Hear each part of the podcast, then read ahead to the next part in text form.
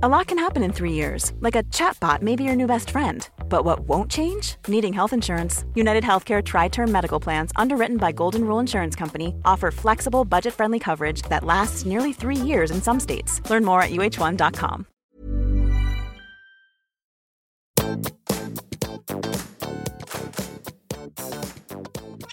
Hei, alle sammen, og velkommen tilbake til podkasten Karriereveiledning med Elaine. Foran meg i cyberspace sitter ingen ringere enn mannen dere har gleda dere til å rett og slett bli litt bedre kjent med og eh, høre på. Jeg spurte på Instagram eh, har du noen gang opplevd du har sagt noe feil. Over 1000 av dere svarte ja. Så det var 100% treff. Eh, og da er det ikke noe mysterium at selveste Aksel Inge Sinding sitter her med sin nyeste bok rett fra pressa. Sa jeg noe feil? Hvorfor samtaler skjærer seg, og hvordan vi kan bli bedre til å snakke sammen. Du, det er første gang du er gjest. Velkommen i det digitale studio. Tusen takk skal du ha. Veldig fint å være her. Du, det er en glede å ha deg her. Og jeg har lyst til å si at du, når jeg leste boka di, så følte jeg meg ikke gæren. Nei, så bra. Det, det, er godt, det er godt, å høre. Det er et Ja. mål også. ja. Det er et mål, ja. For det var det jeg hadde Mhm. lyst til å, innlede med. Eller vi kommer til det, for det finnes jo utrolig masse sånne selvhjelpsbøker. Og jeg vil egentlig ikke kategorisere dette som noe sånn lett selvhjelpsbok. Denne her er jo virkelig forankra i forskning og mange års Mhm. praksis. Mm. Og jeg leser jo enormt mye, for jeg er veldig nysgjerrig. Og 94% av det jeg leser, får meg til å føle meg verre, dummere, kjipere.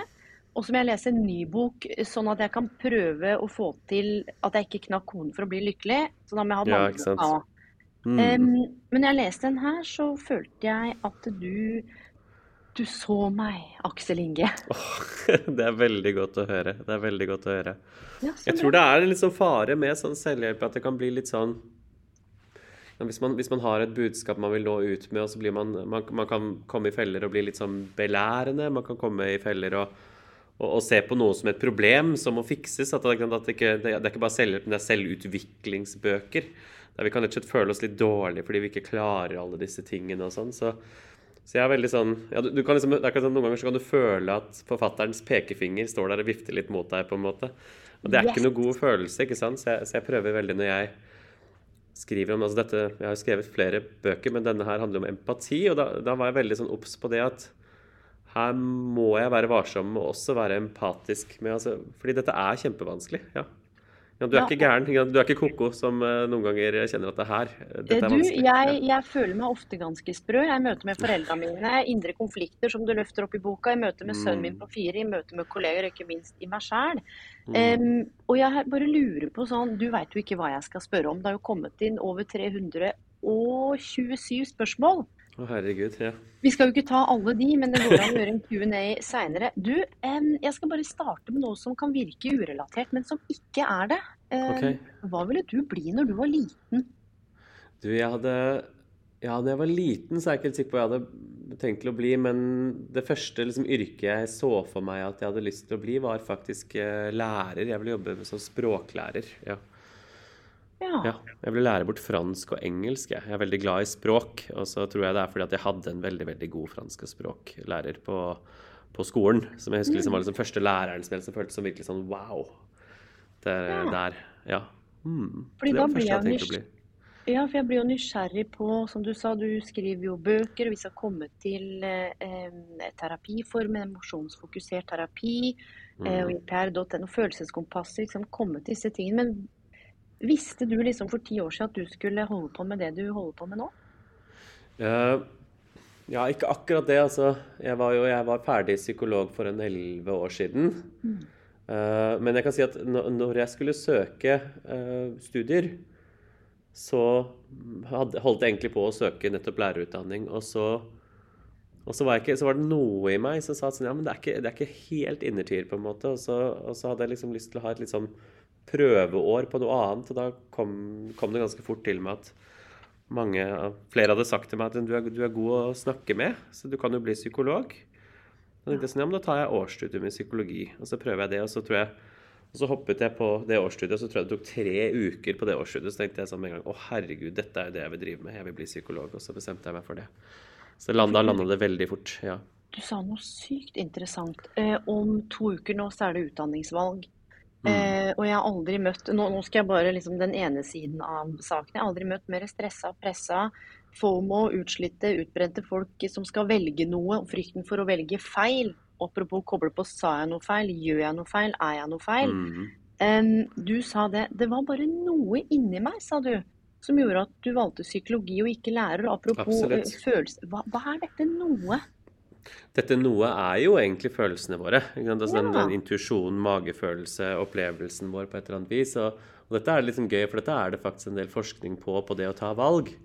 At du ser at når mennesker tar valg som er på tross av følelsene sine, altså du velger noe som du ikke har lyst til å gjøre, eller noe som ikke føles helt riktig, så har folk en tendens til å angre på det valget senere, selv om det viste seg å være bra.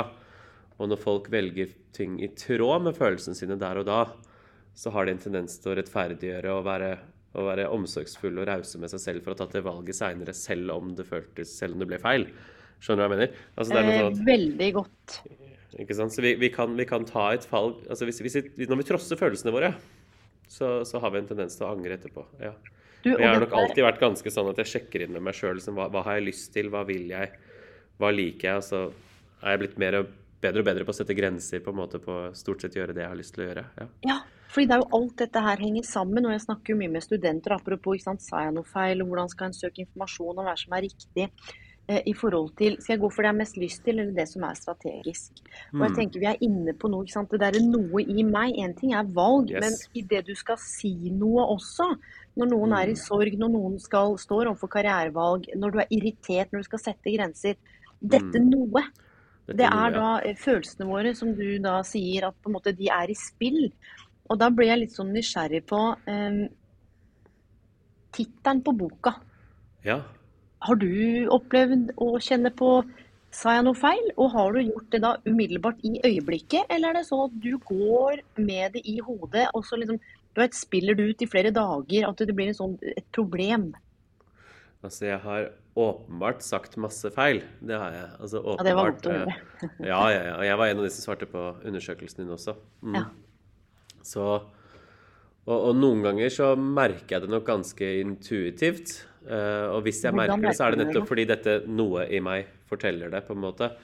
Vi kan jo liksom pakke ut liksom, hva er dette noe, da? Altså, jeg vil si eh, Carl, Carl Rogers eh, har snakket masse om det her. det er en sånn altså empatiens far. på en måte Han snakker om at vi har en slags sånn indre flyt av opplevelse i oss som går igjennom hele oss hele tiden. Som er liksom hvordan organismen i oss opplever verden og opplever hva, liksom, hva vi trenger, hva vi, hva vi har behov for, hvordan vi opplever ting. At det er en slags sånn flytende strøm av opplevelse i kroppen vår hele tiden som vi sjekker ut ting med. Og det er noe annet enn tanken og språket vårt. Dette er litt sånn komplisert, altså, men, men, men jeg syns det gir ganske mening at, at den opplevelsen vet veldig mye mer enn vi vet med tankene og språket vårt, rett og slett. At, eh, at eh, my, mye av det å bli kjent med seg selv eller utforske seg selv, er nettopp å bringe ord til opplevelse. ikke sant? Og, så det er egentlig at kroppene våre vet mer enn mer enn tankene våre vet, for å si det sånn. Mm. Du, og dette her er jo så viktig inn i boka, og sa jeg noe feil? Fordi jeg var jo på et foredrag med deg, og du hadde et sånt spennende bilde med liksom hode og hjerte, og hvordan det er revet i to. Eh, litt sånn det blir dratt. Og en del av spørsmålene handler nettopp om, som vi skal komme til etterpå, liksom åh, Kan ikke bare ta deg sammen, skjerp deg, hvordan man er så streng med seg sjøl. Og det bringer meg litt til to ting. Du åpner boka eh, rett inn i på en måte en personlig historie, i en, en Mm. dialog, og vi får innblikk i en ganske sånn sår og ærlig dialog med deg og faren din, hvor noe foregår, hvor det blir lagt på, og så blir dialogen tatt opp igjen. Hva, Mm. hva, hva tenker du Eller liksom, tanken med å åpne på en sånn måte som gjør det veldig varmt og nært, da? Det var den det var rett og slett den jeg skrev på slutten her. Altså, det, var, det var den samtalen som inspirerte meg til å skrive hele boka, egentlig. Men det er nok litt sånn også hvordan jeg har endret meg med hvordan jeg formidler disse tingene også. At eh, jeg mener at det er Ja, jeg er litt lei av eh, psykologer som skal være så veldig korrekte eh, og, og formelle og teoretiske. Det er litt farlig å, å kaste den steinen rett etter at jeg har snakket om opplevelse og kontinuerlig strøm av opplevelse i kroppen, på en måte, for det er ganske komplisert, det òg. Men, men at vi må bringe det til noe hverdagslig, da. Det er det, det, er det er det det handler om. Det handler om disse å ha gode samtaler. Det, de de ikke har lest boka, ikke det handler jo om jeg var sliten, lei, sint og oppgitt etter å ha sovet veldig dårlig, og at jeg syntes det var vanskelig som småbarnspappa. Og så prøver da faren min hele tiden å muntre meg opp da, på en måte, og, og få meg til å se lyst på det. Og så hvordan det gjorde det verre for meg. Egentlig at det gjorde at jeg fikk det enda vanskeligere. Mm. Det er de samtalene det ofte skjærer seg hele tiden. Der, der skjærer det seg hele tiden gjennom hver dag. Og i jobben mm. vår og i parforholdet og alt mulig sånn. Og så er det noen ganger det går skikkelig, skikkelig skikkelig gærent òg, da. Og det er mer mm. sånn når det går over til sånn ta deg sammen og, og ja. fly deg, slutt å grave deg ned. Og da blir det ordentlig sånn relasjonelle sår, på en måte. Mm. Ja, ja. Og du beskriver noe så viktig, fordi du løfter også fram dette med liksom konflikten i deg. Eh, det var jo ikke noe direkte, direkte konflikt med, med, deg og, og, far. Det var mer nettopp mm. det at mm. han forsøkte hele tiden å finne noe som var positivt. Og du yes. kjente var jo ikke helt der. Og den, mm. um, den skammen på en måte å herregud, kan ikke bare være takknemlig, og vi bor her og Jeg lurer på om jeg har hørt at du har brukt et begrep, uh, nordisk skam. Kan det stemme? Eller ja, som skandinavisk, liksom, skandinavisk, skandinavisk, skyld, tror jeg jeg har kalt det. Ja. Eller skandinavisk skam, ja absolutt. Og det var langt det tilbake, Elaine. Ja. ja, men kan, er det en kobling der, litt sånn i forhold til med herregud, nå bor vi her, og du har to barn. Ja, du har jo alt du trenger. Hva, what's your problem? Hva, hva, er den indre konflikten? For jeg veit nesten med hånda på hjertet, jeg er kjent med en, alle som har lest boka, som nå kommer til å løpe og kjøpe boka, de kommer til å kjenne seg igjen. Så kan ikke du beskrive litt hva er, det, hva er, den indre konflikten? Jo, det er en slags sånn opplevelse at jeg burde ha det bra. Altså, jeg burde jo være fornøyd. Jeg har jo så mye. Så det er nesten litt sånn det, det grenser jo mot sånn survivor guilt igjen nå, på en måte. Altså, å vite at så mange andre har det verre enn oss, og derfor så burde vi være fornøyd. Uh, og, og, det ligger ganske sånn innbakt. Det er en del sånn på en måte teser eller liksom sånn ja, Det var en dårlig måte å si det på, men en del sånn grunnholdninger som ligger i samfunnet vårt som ikke alle er så bevisst. Og en av de er f.eks. at du skal være fornøyd, du skal være takknemlig, du skal gi slipp på det du ikke kan endre. Du må være raus med deg selv. En del sånne på en måte regler som, som jeg tror altså Det er godt ment, og det er gode det, det, det, det, kommer fra et godt sted, og det er, noe, det er, noe, viktig i det, men som er ganske vanskelig. at Hvis, hvis ikke ditt indre emosjonelle landskap stemmer overens med det, så kan du lett føle skyld for å ikke klare det.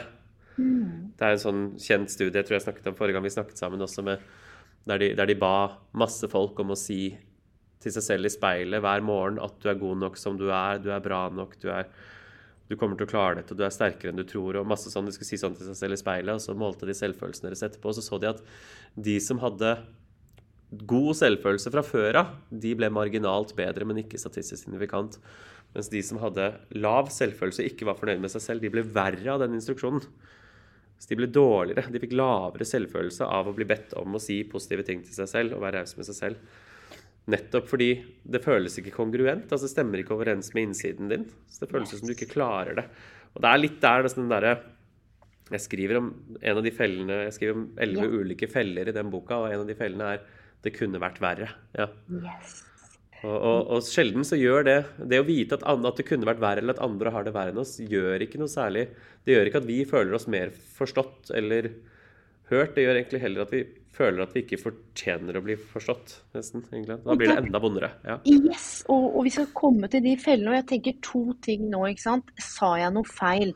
Er det noe direkte sammenheng eh, med opplevelse av egenverdi, altså selvfølelse, kontra selvtillit? Altså, kan du si noen ting om jeg sitter i et møte, eller jeg blir så sint på samboeren min, eller er, er no, hva, hva, tenker du der om selvfølelse, selvtillit, og kanskje bare kort skille de begrepene, og så koble det på, på, i boka di? Ja, altså selvtillit, troen på at vi får til det vi setter oss fore, på en måte. Altså den, den kan jo være Den er ganske fluktuerende, syns jeg, da. Uh, egentlig at den, den, endres sånn ut ifra hva hva du får til, og hva du gjør, og hvilke situasjoner du er i. Men selvfølelse er noe litt sånn dypere, på en måte. Det er vår opplevelse av å ha verdi, da. Vår opplevelse av at vi er verdifulle nesten uansett. Og, og, man kan si at Mye av selvfølelsen vår bygges jo, bygges jo, indirekte gjennom hvordan andre møter følelsene våre. ikke sant? Altså, ved at andre forstår oss, det er det ene, men også at folk viser at de forstår og tillater oss å føle og oppleve verden slik vi gjør den. Altså det, bygger en slags følelse av at jeg har verdi, og min opplevelse har verdi. Sånn som du sa innledningsvis, at hvis, bok, hvis, du opplever at en bok hele tiden prøver å lære deg å si at du føler feil, eller du opplever feil, og du må gjøre noe annerledes, så vil det kunne svekke selvfølelsen din. da. Mm. Så jeg er nok veldig sånn fan av at vi alle bare trenger å bli forstått og akseptert med den opplevelsen vi har. Og så tror jeg det meste blir veldig mye lettere hvis vi, hvis vi gjør det. Ja. Du, og da, da, kan jeg koble dette her til noe du eh, også påpeker i boka. Vi skal komme til fellene, men dette i forhold til eh, vi reagerer på dette, nå, Du skriver ikke akkurat som jeg sier, jeg bare parafraserer litt. at vi, vi, reagerer jo ikke i nåtiden, men liksom på følelser i, i fortiden. Yes. Og jeg har lyst til å bare være personlig, fordi jeg har en far på 85. Han har opplevd krigen i England og sitter i gassmassen med bunkers og liksom blitt skippa ut, og foreldrene døde tidlig. Mangel på kjærlighet. Sånn, eh, og en mor som har vært fra bondelandet, litt sånn klar deg sjøl, tøff, tøff jente. Så faren min han har hatt ekstremt behov for å fikse ting for meg, og det er sånn han får kjærlighet. Og moren min hun har vært sånn Du, ingen liker de som griner. Du, nei, nå, nå, nå, går vi fra deg hvis du fortsetter. Um, og det er så fascinerende å se seg sjøl, og særlig i møte med sønnen min nå. Hvem sine behov er det jeg ivaretar? Når blir jeg trigga? Mm. Og ikke minst at mange av de mønstrene liksom, Sa jeg noe feil? Ikke er en direkte respons på kanskje at jeg sitter i det rommet og får den følelsen. Men det er ting som vi kanskje ikke har tenkt over, følt om, forstått i oss sjøl. Og så bare looper vi og looper vi, og til slutt så ender vi opp med ikke si noen ting. Eller ta ja. noen av, og ikke kampene, men å, å, artikulere hva vi trenger. Og her er jo spørsmålet mitt én eh, Går det an å løse opp i det? Og to, hva er det som gjør at det er så vanskelig å bare si hva vi trenger? Ja, så, Oi, det er mange spørsmål inni der, egentlig. Eh, hvor skal man starte, på en måte? Eh, vi skal starte med å si hva vi trenger. da. Vi, de fleste av oss vet ikke hva vi føler hele tiden. Det er veldig få, Selv jeg som jobber med følelser dag ut og dag inn, med klienter og med kolleger og undervisere, og, sånn, jeg vet jo ikke alltid hva jeg føler. Det er ikke alltid jeg er bevisst at jeg føler engang. Altså jeg, bare, jeg bare gjør noe, og så er jeg veldig opptatt av noe, og så, så må jeg stoppe på Oi, herregud, det er noe som foregår i meg. liksom. Vi er jo ikke alltid rettet mot opplevelsen vår, da. Ref, mm. ref i stad. Uh, og så er det jo det at, sånn som du er inne på sant, med historien vår, at vi har også ulike erfaringer og opplevelser med om følelsene våre er viktige eller ikke. Og om følelsene våre, våre følelsesmessige behov blir møtt eller ikke. Men Så fra det øyeblikket et barn blir født, eller kanskje egentlig fra, allerede fra der i magen, på en måte, så, så vil jo det barnet kan komme inn i verden med temperament og sensitivitet og, så videre, og et følelsesapparat, men vi lærer masse hele tiden om hvordan blir følelsene mine møtt? Blir de håndtert? Blir de møtt? Hvis jeg er redd, blir jeg trygget? Blir jeg, er det noen vil noen beskytte meg? Vil noen komme og redde meg? Hvis jeg er trist, vil noen komme og trøste meg? Vil, vil folk tåle når jeg er lei meg? Vil de tåle når jeg er sint? Vil de Hvis jeg er ivrig og engasjert Hvis jeg er ivrig og engasjert, vil de, vil de godta meg? Ikke sant? Mange sånne ting vi lærer oss hele tiden, som gjør at vi får mer eller mindre kompliserte forhold til de ulike følelsene våre. egentlig. Mm. Så veldig mange føler forskjellig ut fra hva de har opplevd. Og så vil jo dette igjen prege oss i møte med andre òg. For når andre føler, så vil du føle. Ja, mm. altså vi, følelsene man kan nesten si at de smitter, men det er ikke akkurat det de gjør. Men altså de, vi lekker følelser. da. Altså Når du sitter overfor et annet menneske som føler noe, så vil du også føle liksom, F.eks. du kan bli redd for smerten deres. Du kan bli redd for at det aldri vil gå over. Du kan bli redd for at hvis jeg anerkjenner dette, så gjør jeg det verre. Du kan, bli, du kan få noia. Jeg skriver selv ganske personlig en del steder i boka om f.eks. hvor redd jeg var i møte med håpløshet. Mm. Jeg syns det var en helt forferdelig følelse å sitte overfor. Altså, jeg strevde kjempemye med det. Og jeg vet at jeg har vært en dårlig terapeut uh, når klienter har følt håpløshet. Fordi jeg ble redd for håpløsheten, så jeg hadde lyst til å fikse den, jeg hadde lyst til å endre den, jeg hadde lyst til å få den bort, jeg hadde lyst til å muntre opp. Mm. Det handlet om mine følelser igjen. ikke sant? Og også min historie. Så det er et sånn kjempekomplisert bilde av at vi alle bare går rundt og Dypest sett så tror jeg vi bare går rundt og så prøver vi å ha mer av det gode og mindre av det vonde. på en måte, Og så styrer vi unna det vi har opplevd at det er vondt. Og så ja, styrer vi mot det, det vi har opplevd er godt. Ja. I boka, Vi gjør så godt vi kan, på en måte. Ja. Og så skriver du akkurat det i boka, di, at vi vil gjerne ha mer av det gode og mindre av det vonde. Ja. Eh, og så skal jeg bare hive ut en post. Men det virker jo ikke sånn. Fordi vi, vi, vi, setter ikke ord på ting. Vi blir forknyttet. Arbeidsmiljøet er dårlig. Vi, vi, tør liksom ikke sette ord på, så blir det verre og verre. ikke sant? Og så er jo nettopp det at å søke å unngå, så oppleves det som Men egentlig, så i hvert fall for meg, da, så er det bare stikk motsatt. Og sagt sånn Du, jeg, åh, jeg kjenner meg litt Ikke sant?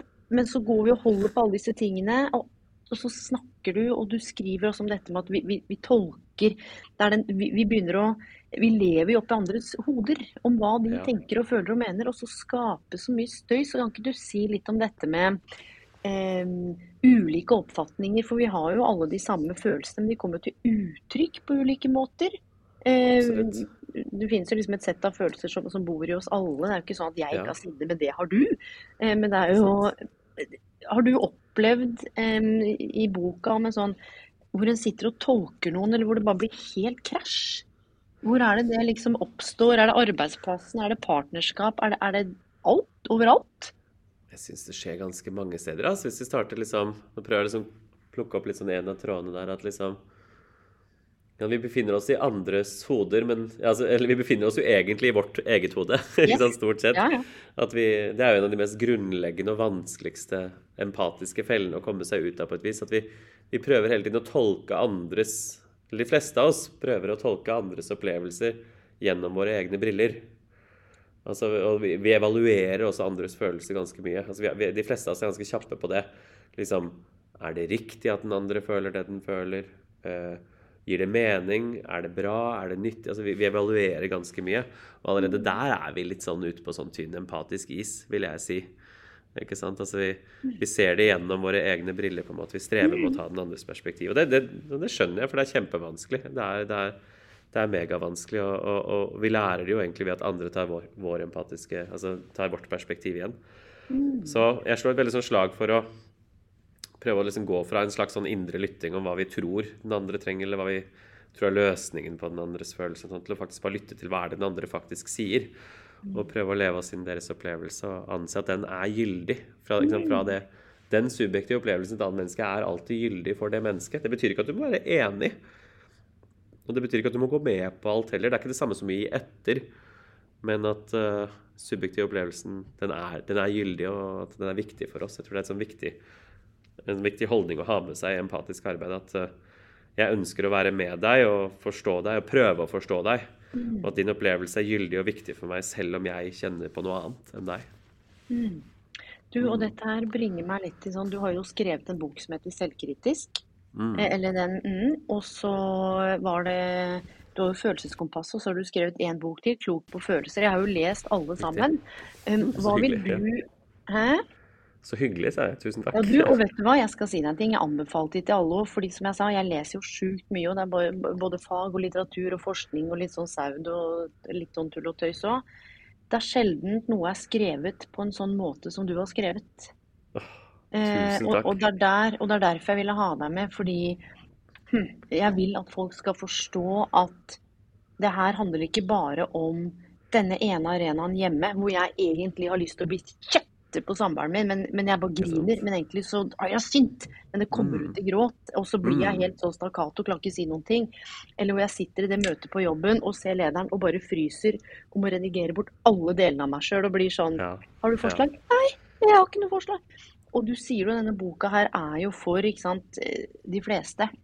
Og ja. det er en kunst, opplever jeg, å liksom føre en penn hvor du har klart å romme noe så voldsomt og så svært, men å gjøre det så allmenngyldig og konkret. Og da blir jeg nysgjerrig. Hva er den røde tråden, vil du si, i alle de tre bøkene og arbeidet du gjør? Og hva var liksom konkret inspirasjon til denne boka? Ja, ah, jeg må først og fremst si tusen takk. Jeg er veldig glad i altså, Når komplimenter treffer, blikk på liksom noe som jeg, Det er jo egentlig det som kjennetegner stolthet. Man blir stolt når man, når man, har prøvd å få til noe. Og så er det, det er akkurat dette jeg prøver å få til, så det er så gøy å ja. høre at du fanger det opp. Så det setter jeg veldig pris på.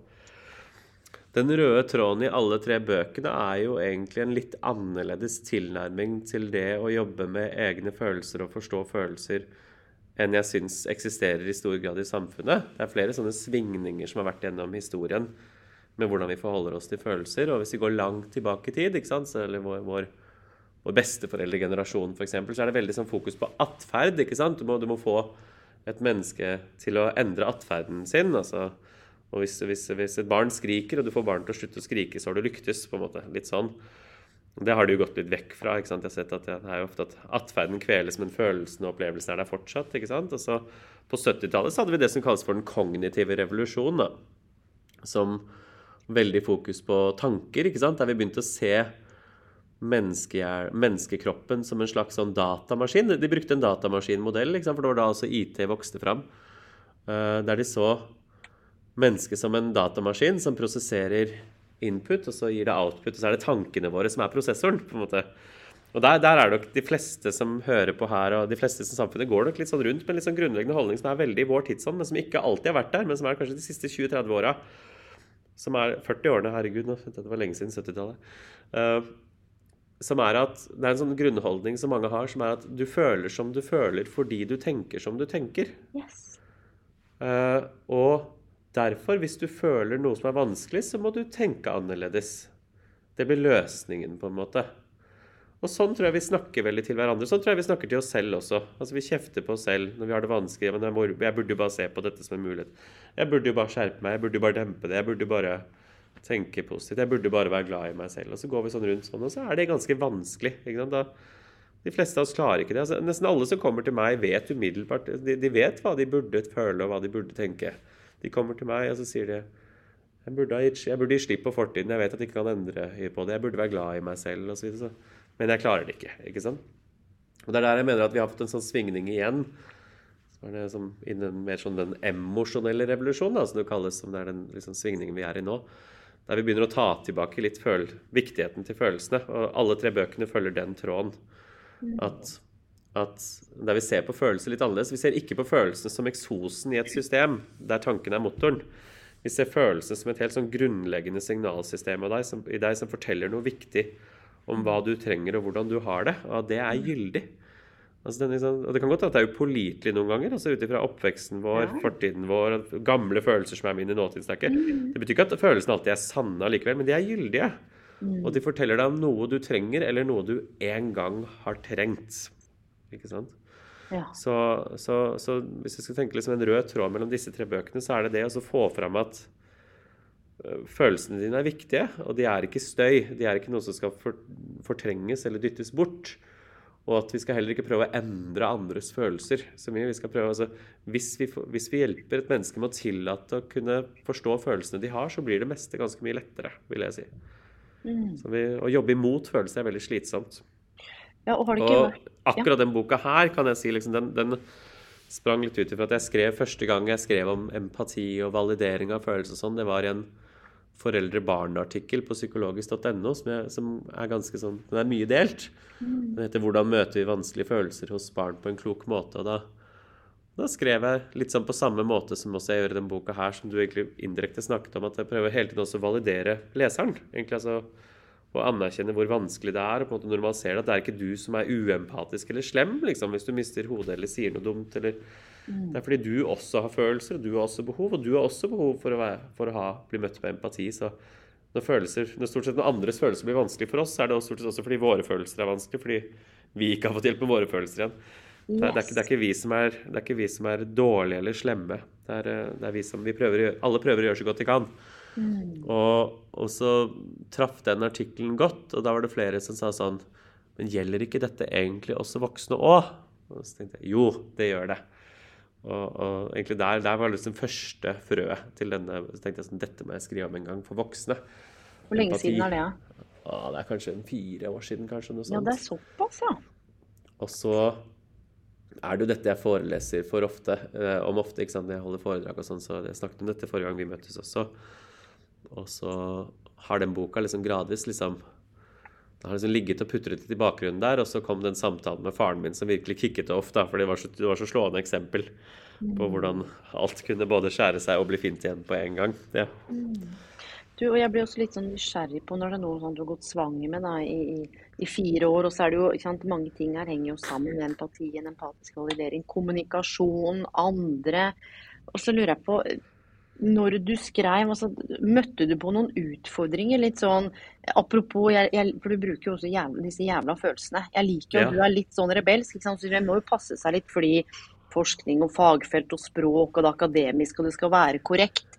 Og, og du sa jo noe som er så betimelig. En skriver så komplekst at, at, at en sitter og leser, så blir det sånn Ja, det, jeg, jeg, skjønte det ikke helt. Og det er jo det som ja. er med boka di. og Møtte du på noen utfordringer hvor du tenkte sånn dette kan jeg ikke skrive, dette kan jeg ikke ha med, for da liksom kommer fagfeltet. Apropos liksom, Ja, sånn, hvis jeg ja. skriver noe feil. Eller at hvis jeg skriver dette, kan det bli oppfatta som feil. Altså, hadde du noe av eh, Hvilke utfordringer er du liksom traff på, da? Ja. Jeg kan, jeg kan si at Arbeidstittelen til boka var 'De jævla følelsene'. Jeg, vurderte, jeg hadde egentlig lyst til å kalle hele boka for det. 'De jævla Ja. følelsene'. Jeg synes det var så gøy å tenke at en psykolog skrev en bok som heter 'Jævla følelsene'. det, Og Forlaget var først veldig gira på det, og så var de redde for at jeg også skulle skremme bort folk. Men uh, ja, det er flere. Altså det, det, det først og fremst er det som du tok opp helt innledningsvis, at jeg, jeg var veldig redd for at det skulle bli uh, belærende og formanende. Det, det ville jeg ikke at det skulle bli. Eh, for jeg vet at det er sånn, vi, vi er så kjappe på å bli strenge med oss selv, og hvis jeg jeg vet altså, at Det er jo en felle. Jeg tror jeg skriver om det også i boka flere ganger. egentlig, At det er en felle at vi kan bli så ivrige å formidle et budskap at vi glemmer å anerkjenne den som skal ta imot budskapet. på en måte. Eh, så det gjør jeg mye eh, underveis. Og så er det alltid litt skummelt å skrive om disse forskjellige svingningene i altså for eksempel, Jeg setter vel ord på det med at noen ser på det veldig som at tanken er det som driver følelsene. Og da vet jeg at noen vil bli litt sånn ah, kunne synes det er liksom provoserende eller dumt. eller at jeg liksom jeg, jeg, mener liksom ikke å kritisere det altså, Jeg mener at det er mange veier til rom her, på en måte, men, men, men i hvert fall for meg så føles det sant at det er, at det er mer komplekst enn som så. på en måte. At det, det er noe mer som skal til for å endre en følelse. Eh, Så der var jeg litt varsom. Jeg var også litt varsom skal vi se, rundt eh, de kapitlene som er om de vondeste samtalene, spesielt det med selvmord. Jeg skriver litt om det. Hvordan kan du snakke med en som ønsker å ta livet sitt? Så var jeg litt sånn Nå skal jeg ikke lære opp folk til å prøve å bli helsepersonell og sånn, men jeg må også liksom gi dem en eller annen sånn trygghet i at, at også der kan man være empatisk og et medmenneske, da. Så det er litt sånn. Eh, kanskje, altså, så er det nok en liten sånn greie som ligger der at jeg, jeg kjenner at jeg, jeg, jeg vokser jo hele tiden selv også som å utvikle meg som fagperson. Og, at jeg ville ikke at boka skulle bli for opptatt av ordene du velger, egentlig. Altså, jeg ville ikke lage sånne absolutte regler om at dette kan du alltid si, og dette burde du ikke si. Men så er altså, det er en vanskelig balansegang å gå, fordi det handler ikke bare om ord, det handler om måten det blir sagt på, varmen det gjør, den grunnleggende holdningen du formidler. Noen ganger så trenger man ikke ord i det hele tatt, man trenger bare et menneske som ser deg, eller gir en klem. ikke sant? Så, så jeg vil liksom ikke at folk skal bli for tekniske i huet sitt på liksom, å, jeg må finne det riktige å si, fordi det er ikke alltid sånn. Og så må det også være du må eie ordene selv. Da. Du må bruke en språkdrakt som passer med din egen, for ellers så blir du veldig kunstig og kleint. Så jeg har nok prøvd også der å myke opp litt hele tiden og si at liksom, dette er ikke absolutte regler, men dette kan være lurt. Og der veit jeg at psykologer eh, ville nok ha tenkt mer sånn Ja, det handler mer om å romme følelser og, og, og, og tåle og sånn, men jeg syns det blir litt for komplisert. Liksom, å liksom skulle pakke ut det fenomenet, på en måte. Så jeg ville, vil gjøre det litt sånn enkelt og anvendelig også. Så finne en slags sånn balansegang der, da. Ja, og det, dette bringer meg over til et av kapitlene dine nå, som liksom Unnskyld. Liksom, Ja. Ord eller unnskyld, om det er i, i parforhold eller jobben eller møte med barnet sitt. Altså, ofte så har jeg sett, og særlig sånn Ja, nå, nå si, si unnskyld til Per. Du Ja, slo i huler. Si, si unnskyld til mamma. Og liksom sånn Why? Altså, hva, hva er poenget? Så er det bare et ord, på en måte. ja, og så er det sånn, noe- ja, og så er det helt meningsløst. Så kan ikke du si litt om Apropos, sa jeg noe feil? OK, så har jeg sagt noe feil, da. Mm. Ehm, hva, hva er poenget med en unnskyldning? Altså, akkurat som det fikser noe. Altså, for noe, ord kan en jo aldri ta tilbake. Så, og du skriver jo veldig fint om det, derfor jeg hiver det litt ut der òg. For jeg, jeg, jeg har fått spørsmål om det. sånn, Et av Mm. spørsmålene hva er poenget med å si unnskyld? Jeg har allerede sagt noe dritt. Det er jo ikke sånn at det bare blir borte. Ja, why? ja, jeg, jeg, jeg tenker at det, altså at det altså det, Behovet når man må si unnskyld altså Behovet når det er en skadet relasjon, er å reparere relasjonen. ikke sant? Og det er helt riktig at man kan ikke ta tilbake ord man har sagt, eller det blir ikke så troverdig som regel. Men man kan reparere relasjonen, og det gjør man. Det er derfor vi ofte kaller det liksom reparasjon. ikke sant? Altså man sier unnskyld på en god måte. Men, men den unnskyldningen er ikke bare et unnskyld. Den er, den er en det er, det er noe mer, der du sier også Du viser at du forstår hvordan det ble for den andre.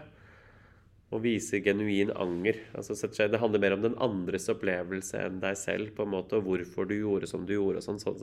Det er en sånn klassisk felle vi går at vi begynner å unnskylde oss. 'Ja, men jeg var bare så sliten.' Eller 'ja, men Ja, og det er dette her jeg ville få måte, det, fram. De funker ikke. Ja. Nei, det er det jeg ville få fram. Sånn, ja, unnskyld, unnskyld eh, unnslagsstilling for at Ikke sant, fordi du Og så bare Ja, unnskyld for at du følte deg så såret av meg. Da blir det enda verre. Ja, da sier du egentlig indirekte at du var feil. Altså, det var ikke din følelse som egentlig var feil. Yes! Og, Så en god, god reparasjon inneholder egentlig liksom flere steg. ikke sant? Det ene er å si hva du sier unnskyld for, og så er det å prøve å sette ord på hvordan du tror du ble for den andre. Og faktisk anerkjenne at det er ikke så rart du ble lei deg når jeg sa det, for jeg tror du følte deg Prøve å tippe og sette litt sånn ord på det. Vise at du faktisk har forstått. Og så vise genuin anger, da. Og vise kanskje, altså kanskje også si noe om hvordan du skulle vært istedenfor, eller hva du vil gjøre neste gang. For det er der jeg mener at man kan ikke ta tilbake ord, men man kan bygge faktisk en sterkere relasjon enn det man hadde før. Fordi det er masse læring i det å, å bli såret, men at noen andre ser såret og tematiserer det og reparerer igjen. Det er masse læring i det. Et av mine favorittfunn på foreldreveiledningsfeltet er jo at det er mer utviklingsfremmende for barn at vi sier Eller vi gjør 70% feil og reparerer halvparten enn å gjøre 70 riktig. Så det er mer utviklingsfremmende å gjøre feil og, og reparere halvparten. Fordi det er så mye læring i det å reparere. Øh, Det er, det er å vise at jeg kan gjøre feil, jeg kan bli overveldet, jeg kan føle grensene mine invadert, jeg kan miste huet, og jeg kan også ta ansvar for å gjøre det bra igjen, fordi din relasjon er så viktig for meg. At selv om vi ikke har det bra sammen nå, så kan vi få det bra sammen igjen. Og det er ganske viktig, da.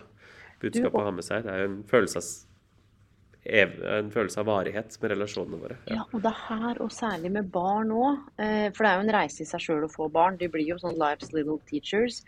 Og det å, å tillate andre, eh, men også barna, å se at we're human. Og det er litt tilbake til liksom, sign noe feil nå i et samfunn, og nå sant, det er mye skriverier, og nå høres jeg jo nesten ut som jeg leser noe fra en tabloidavis, men komplekse globale samfunnet, masse valg og press. Og jeg snakket, jeg var på en podkast i går og snakket med en student eh, som jeg gjesta. Han sa det.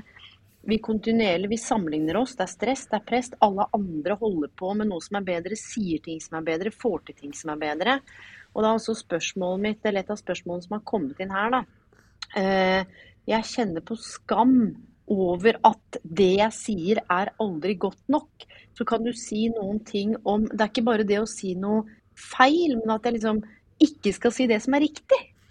Og er det en forskjell? Og direkte Ikke skal si det som er riktig. Altså, Ja. i på en måte sånn sa jeg noe feil, sa jeg noe riktig Altså den gata, på en måte? Eller mer sånn som kompetanse, eller sånn? Eller Nei, i den gata der at en liksom ikke redd for å si noe feil, sånn, men bare redd for å eh, ikke si det som er riktig. Og da liksom Ja, og det handler om i en kontekst hvor andre, om ikke nødvendigvis kan kompetanse, men Ja. er eldre. Så ja, litt kan noe mer, men ikke noe sånn konkret felt. Ja. Men det var mer sånn åh, tenk hvis ikke jeg kommer med det riktige svaret. Ja, ikke sant. Så da hører jeg jo liksom at da, da er på en måte fasiten, eller liksom øh, Da er på en måte verdien til hva man sier, lagt ganske utenfor seg selv, da, hører jeg på en måte. Altså, det er noe Yes. sånn at, at det er noe riktig her som skal sies, ikke sant. Og det, og det er, det er akkurat det jeg var redd for med boka òg. Ikke sant? Altså, jeg er redd for at jeg, ikke, ikke la det til bli en sånn Å, jeg må alltid si det riktige, jeg må si det sånn som Yes. det står i boka. ikke sant? Altså, jeg mener at noe av det viktigste du kan gjøre, er å være tydelig med hva, hva, hva du ønsker. Hva, altså å være til stede og snakke fra innsiden din da, til andre mennesker. Så det handler jo om selvkritikk, det, det, det spørsmålet der. Det hører jeg jo. Det kan være en indre kritiker, ikke sant? Altså, ja, Ref den selvkritisk boka. Det kan være en indre Yes. kritiker som sier at alle andre vet egentlig bedre enn deg. Det du har å komme med fra deg selv, det er ikke godt nok. Så det det er, en sånn slags som hard selvkritikk i det som kan være nyttig å, å utforske litt. Og det Og i den selvkritikken så legger det som egentlig en frykt for å bli avvist, eller frykt for å miste, eller frykt for å si noe dumt, eller bli latterliggjort eller ydmyket. Så kanskje denne personen har med seg en opplevelse av det, jeg vet ikke. Men Men det her henger sammen med over 72 Jeg har jo skri- over 72 stykker skriver 'sa jeg noe feil', og så har de svart sånn eh, 'ja, jeg er redd for hva andre tenker om meg'. Og du er jo inne definitivt. på det nå, at det er Mm. liksom en tredjedel av spørsmålene. Hvordan kan jeg slutte? Ikke sant? Vil Ja. vekk fra noe, jeg vil ikke til Mm. noe, men det er også litt i spørsmålsstillingen. Eh, Mm. hvordan kan jeg slutte å være redd for hva andre tenker? Jeg har ikke lyst til å være redd for hva andre tenker. Så de fleste som har snakket om dette og spurt om, de vil vekk fra. Eh, men går det an å snu på det Tenker du hva er det en vil til isteden, da? For det, det, det er noe Ja, med dette liksom, å motiveres absolutt. vekk fra det vonde. Hva er det du vil til? Absolutt. Og der, der kan jeg liksom slå et sånt slag for at vi, vi alle kan være hjelpsomme og helsebringende for andre hvis vi går fra liksom, ikke ikke fokus på å si det riktige, men mer, mer at oppgaven vår er å prøve å forstå eh, på en ikke-invaderende og definerende måte. Altså Prøv å være til stede og tåle at den andre opplever det den opplever. Og hvis du prøver å forstå, så er det nesten mer enn nok allerede. På en måte bare, bare der. Bare der er du en verdifull samtalepartner hvis du prøver å forstå. Og, at det dreier seg mer om at den andre ikke skal føle, alene, føle seg alene, enn at vi på en måte skal komme med et genialt svar eller et tips eller et råd eller et verktøy. på en måte. Mm. Eh, Jeg syns det er eh, det er noe veldig sånn godt med bare, bare at et annet menneske prøver å forstå oss og sette, og sette seg inn i vår opplevelse. Ja. Vi kan, vi, og vi kan egentlig mye mer om det å være mennesker enn vi tror. ikke sant? Så det, det skriver jeg flere steder. altså Yes. vi er ofte redde for å stole på det. Vi, vi søker til sånne eksperter og teite selvhjelpsbøker som handler om hva man skal si. Og, ja. Ja, du- men dette er- selv. Men Jo, jo. vi søker veldig sånne eksperter, og så glemmer vi liksom at egentlig sant, altså at Som mennesker så vet vi stort, vi vet veldig mye om å være et menneske. Mm. Vi, vi har opplevd å være selvkritisk, åpenbart, disse som skriver. Ikke sant? Altså, vi vet hvordan det er å føle oss avvist, vi vet hvordan det er å tråkke i baret, vi vet hvordan det er å føle oss aleine, føle oss ivrige, føle oss sinte, føle oss svikta, føle oss såra. Og det er egentlig der dette, Da er vi tilbake til dette nå igjen. Dette ble en fin liten sløyfe, Elaine. Ja, nydelig. At uh, vi må tørre å besøke de stedene i oss selv for å kunne forstå andre, på en måte. Ja, Der sa du det. Fordi det var et spørsmål, og det er flere jeg har liksom bøndla det litt, så ikke vi skal sitte og lese opp 300 og liksom Ja, ja. Em, Det du sa der Hvorfor er det så besøke vår egen sårbarhet da, for å kunne sette Yes, inn i andres hvorfor sårbarhet. er det så vanskelig å tåle seg sjøl? Hvorfor er det så vanskelig å føle det jeg føler? Jeg prøver å meditere, jeg prøver å sette meg, jeg prøver å kjenne det, jeg prøver å puste. Jeg bare spretter ut. Det er akkurat som jeg ikke vil ned i den trakta. Eh, og det er Mm. flere her som lever i overflaten, tenker eh, vil helst ikke føle jeg er redd for hva som dukker opp. Eh, og da står det sånn hjelp. Handler dette om prestasjonsangst? Betyr det at hvis jeg sier noe feil, for da føler jeg også at jeg er noe feil? Hjelp. Ja. Er jeg Du, Det, det er jo sånn det kan bli, at kritikeren vår sier det. ikke sant? Kritikeren sier 'herregud, nå ser du hvem du egentlig er', eller hvor Yes! feil du er. At det, er- det er det, det er det er det de kanskje er redde for, da. De er redde for, redde for at det skal skje. Er jeg noe feil? Du, og det er akkurat det. Hvordan kan jeg få bort, og dette er litt det vi snakker om, prestasjonsangst, og det var litt det vi har vært inne på nå, så er det en som skriver eh, Jeg jobber da med mennesker i, og med omsorg, og jeg kjenner på en sånn omsorgstretthet, og du skriver jo også om det i boka di. Mm. Jeg orker ikke gi og gi og gi. Jeg merker at jeg blir mindre empatisk og sier mer og mer feil. Har du noen? Eh, Og dette er litt sånn hva vi ønsker, noen kjappe oppskrifter og tips. Ja, ja. Hva, hva, hva, kan jeg gjøre? Jeg får så vondt. Husker du den indre konflikten du skriver om boka? Jeg får så vondt av pasientene, men jeg blir så forbanna når jeg ser dem. Men det eneste jeg vil, er å være hyggelig. Jeg får det ikke til lenger.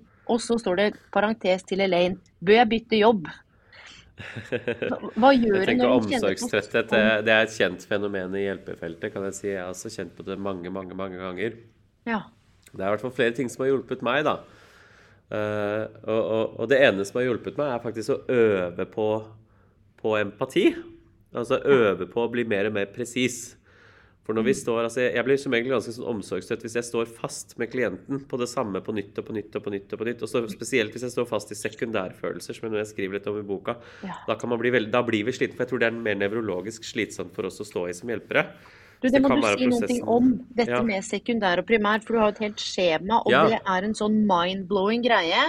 Som bare Du, hvis, hvis det er noen ting en kan lære, sånn Det er sjukt mye å lære her.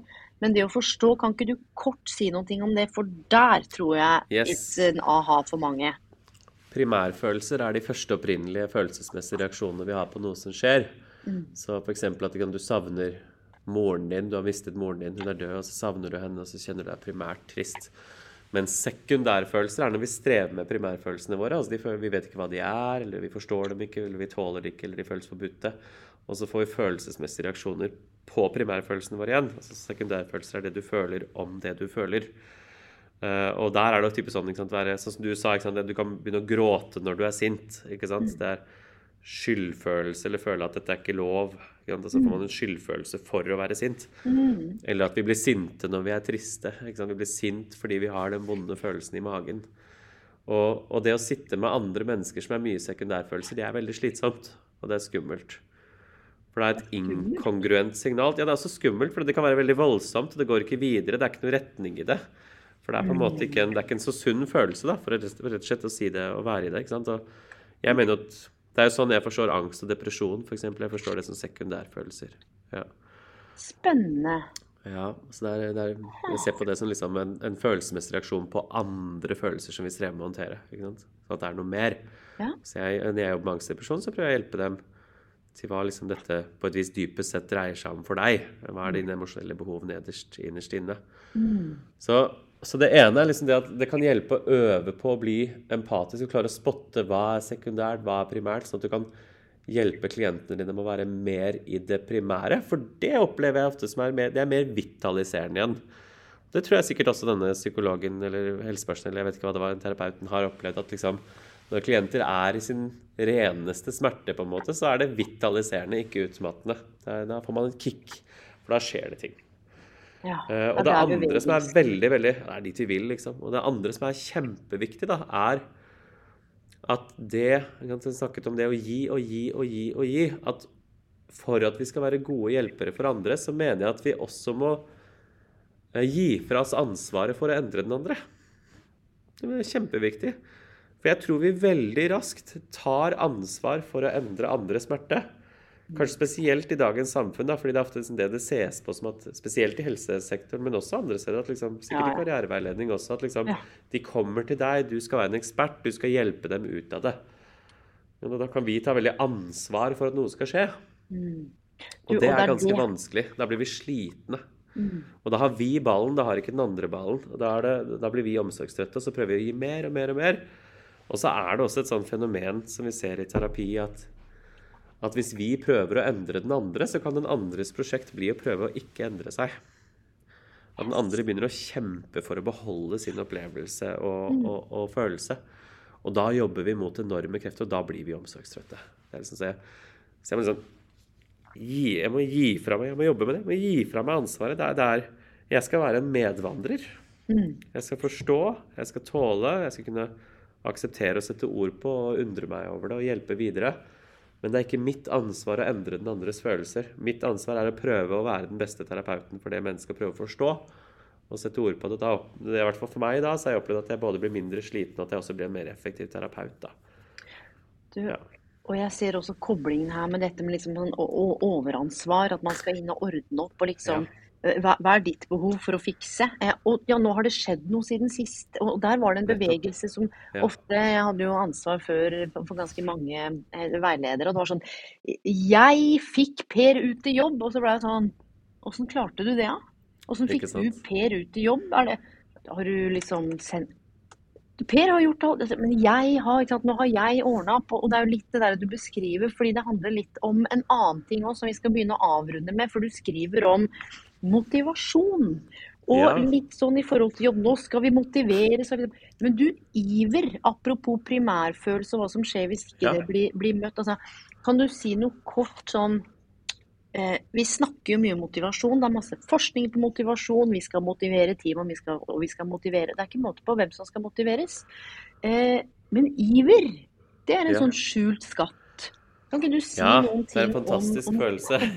ja, Iver er jo en fantastisk følelse. Altså, iver, interesse, engasjement. Det har mange navn, på en måte, men altså det der kicket du får når du vil nærme deg noe, når du vil investere energi i noe. Det er nærmest en utømmelig kilde av energi, vil jeg si. nærmest. Altså, du kan absolutt bli utbrent også av å være ivrig lenge. Definitivt, hvis du ikke tar vare på deg selv underveis. Men jeg syns ofte at de som blir utbrent, de har ikke kjent på bare ren iver, de har også kjent på mye annet samtidig. Altså mye frustrasjon og og, og, svek, altså, og, og stått i ganske høy temperatur, da. Men vi, det er her mener liksom den Jeg har vel kalt det ene kapitlet for den store misforståelsen av motivasjon. Jeg mener at nei, vi misforstår noe helt sånn essensielt. At vi ser på motivasjonen som å bare være iver. Ja. Fordi, fordi det er det det er. Vi, vi, ønsker at folk skal være gira og engasjerte og ivrige og ha lyst til ting. Mm. Men så glemmer vi at det er egentlig motivasjon i alle følelser. Ikke sant? Det er, det er også motivasjon i frykt. Når du er redd, så er du motivert for å flykte. Når du er sint, så er du motivert for å gå til angrep. Når du er Når du skammer deg, så er du kanskje motivert for å skjule og dempe deg og gjemme deg. ikke sant? Så mm. at det er motivasjon i det òg. Så det, det, det jeg tror som er den store feilen vi gjør, tror jeg, som ofte slår litt sånn mot oss, er at når, folk da, når vi opplever at folk mangler motivasjon, eller vi tror de mangler motivasjon, så prøver vi å pøse på med iver. Og så låser det seg. Og så glemmer vi at Stort sett så er det ikke at folk mangler motivasjon, men det er fordi de har en annen følelse som motiverer til noe annet i øyeblikket. De er kanskje motivert til å føle seg forstått som den man er, eller de kan være motivert for å unngå smerte. Altså et menneske, Hvis jeg skal ta det karriereveiledningsfeltet, da, altså et menneske som ikke, ikke skriver søknaden og ikke søker masse jobber, ikke sant? Og så blir vi mer og mer frustrerte, og så har vi lyst til å ja, men, å, prøve å få det engasjert, men prøve å få dem til å bli ivrige og gira på det. Mm. Så kan vi glemme at de kan ha ganske sterk motivasjon for å unngå nye nederlag. Uh, yes. De er redde for nederlag, ikke sant? Og yes. den vil jobbe imot inntil den blir adressert og og håndtert, så vil den jobbe imot. Så er det, det, er ikke, det, er ikke, manglende motivasjon, det er konkurrerende motivasjon, da, vil jeg si. Og dette her, hallelujah moment for alle som, som hører på, at det er ikke noe gærent med deg. For det er også litt sånn eh, Han er ikke veiledningsbar, han er ikke motivert, står det litt sånn i epikrisen og mye greier. Så bare sånn det er det skumleste når vi går dit, for da er det våre sekundærfølelser som kicker seg inn. Fordi vi føler oss utilstrekkelige. Ja. ja. og så leser en noe, så liksom skal du inn og møte det mennesket, og så er det et menneske noen har beskrevet noe, så mer som du, ikke sant? Hva er det en er redd for? Jo, og igjen oppleve avslag, og igjen ikke passe inn, og igjen havne i konflikt. Jeg gjorde forskning på um, um, en ganske stor gruppe som hadde mottatt karriereveiledning, hvor 83% sa sånn Nei, opplever ikke at jeg har fått så mye hjelp, jeg. Ja. For da kom karriereveilederen inn, og det var etter to ganger med sånn dette får du til! Stå på! Eh, se på kompetansen din! Liksom, de var i den nye begynnelsen. Mens du, eh, i en sånn overgangsfase hvor det hadde vært et tap, så hadde jo ikke de gitt slipp på status, identitet, følelsene, kollegaene. Så forskningen viser jo at en klarte ikke møte vedkommende liksom, eh, ikke både, men i rett fase. Så følelsen var jo ja. låst i en annen fase. Og så var det sånn ah, Nei, eh, han er ikke så keen på jobb, han her. Så ble det sånn sånn du, hva som foregår? Og det er så mye sånne glipper rundt omkring. Sånn det, og, og, ord på et papir som, du, Det her er sånn som virkelig engasjerer meg, for det er noe med den urettferdigheten. Ja, ja, ja. Um, og det er jo sånn at vi straks uh, må uh, avrunde, eller vi må ingenting. Um, men jeg tenker at jeg har bare lyst til å Sånn kort da, til deg som eh, lytter nå, bare hør på noe av innholdet. Grunnleggende om følelser må vi være så empatiske hele tiden? det er snakk om liksom hvordan en kan validere følelser, liksom komme seg ut av fiksefella. Mm. Følelsenes frynsete rykte, og ikke minst eh, du, når gamle følelser preger oss i nåtid. Når andre føler, så føler du også, og ikke minst, når jeg blir sint, blir du stygg. Ja, det var et om, gøy kapittel å skrive. du, det er nesten så vi kunne tatt hvert kapittel for seg, holdt jeg på å si. Ja, ja, ja. Fastlåste følelser, ulike følelser, motivasjon, det å si unnskyld. Altså, den boka her Det er sjelden jeg har sagt at jeg sånn innstendig oppfordrer noen til å kjøpe seg alle tre bøkene og til å gå inn på Følelseskompasset. Wow. Jeg tenker at det du gjør, er jo litt sånn å bevege verden videre innenfor et felt som for mange er komplisert, overveldende, som preges av så mye sånn eh, korrekthet som gjør at en ikke skjønner hva en leser. Ja. Um, så jeg tenker sånn, du skal få de avsluttende ordene til de som har lytta nå. Først vil jeg si tusen takk. Jeg vet du både er litt forkjøla og har hatt det hektisk. At du tok deg tid. Hva er det du ønsker at lytterne på en måte skal ta med seg sånn to-tre korte ting, sånne key takeaways fra denne samtalen? Og så skal de selvfølgelig gå og kjøpe boka. Dette er sånn jeg vet at jeg alltid får spørsmål om, som jeg aldri er noe særlig god på å oppsummere sånn kjempekort. Eh, men, men, men kanskje kanskje poeng kan være altså prø prøve å å prøve å gå fra å fikse og endre andre til å bare forstå. Men samtidig også huske at vi må være litt rause med oss sjøl uh, under veien. For det, det, når vi strever med andres følelser, så er det stort sett fordi vi også strever med følelser selv. Og, og det er ikke liksom bare noe sånn vi er, vi er, pliktige å utvikle oss, eller vi burde ha klart det, eller vi ble født inn i verden med om vi klarte det eller ikke. ikke sant? Det handler om hvordan vi har blitt møtt på våre følelser igjen. Og liksom ha litt sånn tålmodighet og raushet med at vi, vi, er hele tiden i en prosess og på en rause og må få lov til å være der vi er, da. Mm. Mm. Så jeg tror vi alle bare kan gjøre hvis vi gjør litt mer for å bli litt bedre samtalepartnere, litt mer i kontakt med våre egne følelser og få litt mer gode samtaler med andre mennesker, så er ikke det så rent lite, tenker jeg. Ja, det, det er fint, det. Det syns jeg var en fin oppsummering. Og boka di den finnes er det overalt i alle bokhandler nå? Ja, det er stort sett det. altså. Nordli, Ark, de aller fleste steder tror jeg den finnes. ja. Ja, og du er jo, det er bare å google deg, du finnes jo også både på IPR, altså du er jo daglig leder. Det stemmer, jeg er leder ja. for 34 psykologer. Ja. Mm. ja. Eh, så du har jo litt å henge fingre Og jeg tenkte at jeg skal også oppsummere mm, boka di sånn her, at hvis du rett og slett eh, er på jakt etter et litt bedre liv, og nå snakker jeg ikke om status, penger, alle de tingene som handler om det ytre, hvis du er på jakt etter kanskje å finne litt mer ro og mening, og gå fra litt kaos og usikkerhet, så tenker jeg at bøkene dine oppsummerer det. Tusen takk for uh, en uh, fin og inspirerende og sånn ekte og nedpå samtale. Jeg veit at det her kommer til å uh, bety mye for mange, så Takk skal du ha, Elaine, og takk. for at jeg fikk komme. Du, selvfølgelig. Vi eh, ses vel en eller annen gang med en eller annen korsvei. Det kommer jo nye konferanser hvor vi vil at du skal komme og du gjør et sjukt viktig arbeid. Så mine venner, hvor enn dere er i verden, god kveld, god natt, god morgen. Og Aksel Inge Sinding is the one to remember. Og hvis det er noen kommentarer, tilbakemeldinger, bare skriv inn, så skal jeg formidle all glede, håp og kjærlighet videre. På gjenhør. Ha det bra.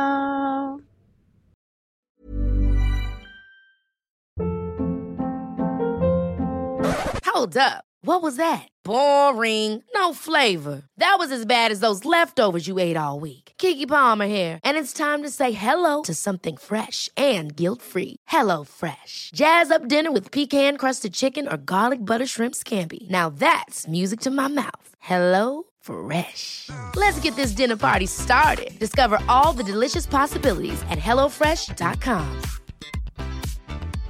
Imagine the softest sheets you've ever felt. Now imagine them getting even softer over time. That's what you'll feel with Bowl and Branch's organic cotton sheets. In a recent customer survey, 96% replied that Bowl and Branch sheets get softer with every wash. Start getting your best night's sleep in these sheets that get softer and softer for years to come. Try their sheets with a 30-night guarantee. Plus, get 15% off your first order at bowlandbranch.com. Code BUTTERY. Exclusions apply. See site for details.